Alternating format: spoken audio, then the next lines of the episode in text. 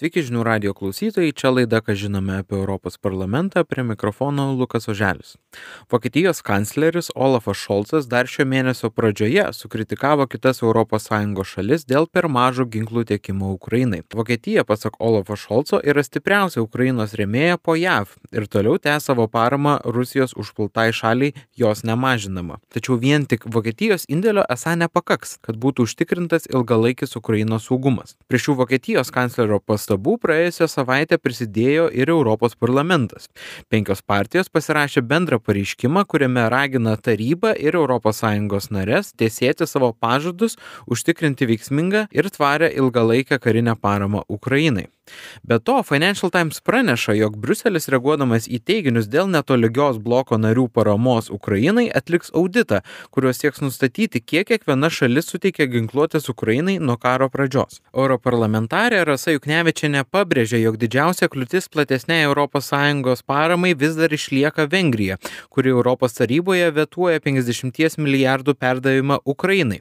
Visgi kalbėdama apie atskiras valstybės narės, europarlamentarė taip pat mato nepakankamą ypač didesnių valstybių paramą Ukrainai. Na, tai visų pirma, nepasitenkinimas yra tuo, ką daro Vengrija E, skiriant bendrus pinigus, jeigu taip galima pasakyti. Yra keli finansavimo šaltiniai. Viena, tai yra tie 50 milijardų eurų, e, kurie buvo skirti tokiai ilgalaikiai paramai Ukrainai. Europos parlamentas pritarė, e, komisija, aišku, irgi pritarė pasiūlysi pati. Ir taryboje, kaip jau visi gerai žino, užblokavo šituos pinigus, kol kas bent jau blokuoja Vengrija. E, kitas pinigų šaltinis yra tas, ką skiria valstybės narės. Ir pasižiūrėjus į skaičius, kiek nuo bendro vidaus produkto, e, kuri valstybė yra skyrusi, tai čia mes su Estais esam pirmoji vietoje, Lietuva pirma pagal bendrą vidaus produktą, bet tai žinoma, Lietuvos bendras vidaus produktas ir tie skiriami pinigai, tai nėra dideli. Tokios valstybės, kurios gali daugiau grinų, grinais jau bendru kiekiu pinigų skirti, tai yra patys suprantam Vokietija, Prancūzija, kitos turtingiausios šalis.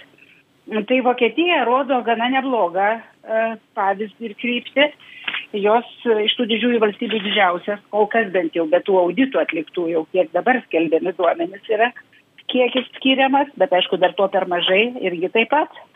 Na ir kitom šalim tikrai reikia stipriai pasitelkti ir mes čia diskutuojam kad jeigu bent nulis kablelis penki procento nuo bendro vidaus produkto kiekviena valstybė įsipareigotų skirti tai jau būtų didžiuliai pinigai. Nes bendroj sumoj dabar visas vakarų pasaulis tas kuris remia ukrainą plius ukraina nesveria to pinigų kiekio kurį bent jau oficialiai deklaruoja e, rusija e, skirianti savo šitai, šitam karui. Tai dabar dar net ir didina visus, visus apsukimus. Rasa Juknevičiane akcentuoja, jog neturėtume nuvertinti jau iki dabar skirtos vakarų paramos Ukrainai bei įvykusio mąstymo pokyčio Europoje.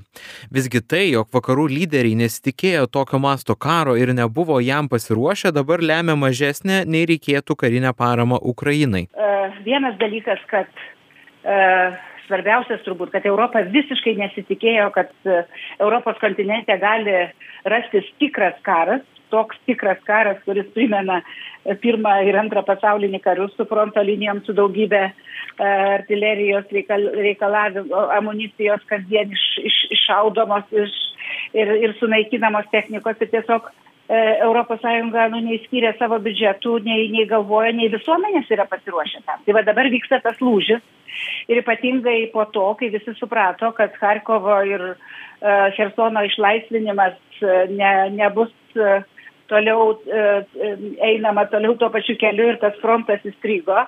Uh, tai, tai visi supranta, pradeda suprasti, kad tai yra ilgam ir dabar pradeda kalbėti ir ne tik kalbėti ir daryti daug dėl to, kad gynybos pramonė Europos, Europoje ir ne tik Europoje būtų atgaivinta, nes tiesiog niekas tam nesiuošia. Ne tik, kad pinigų neskiria, bet net ir skyrus pinigus nėra ko duoti. Mhm. Jeigu tu neperki kur nors iš Pietų Korejos, e, kur irgi tie resursai turbūt limituoti, jiem ir patiems daug ko reikia. Mhm. Tai va čia yra klausimai, aš nepasakyčiau, kad nuovargis čia labiausiai veikia. Mhm. Ne čia labiausiai veikia tiesiog tos galimybės ir tas suvokimas tik dabar ateina į kokį karą, kokį karą mes čia turim laimėti. Taip žinių radijui kalbėjo europarlamentarė Rasa Juknevičinė. Tiek šiandienos laidoje, ką žinome apie Europos parlamentą, likite su žinių radiju.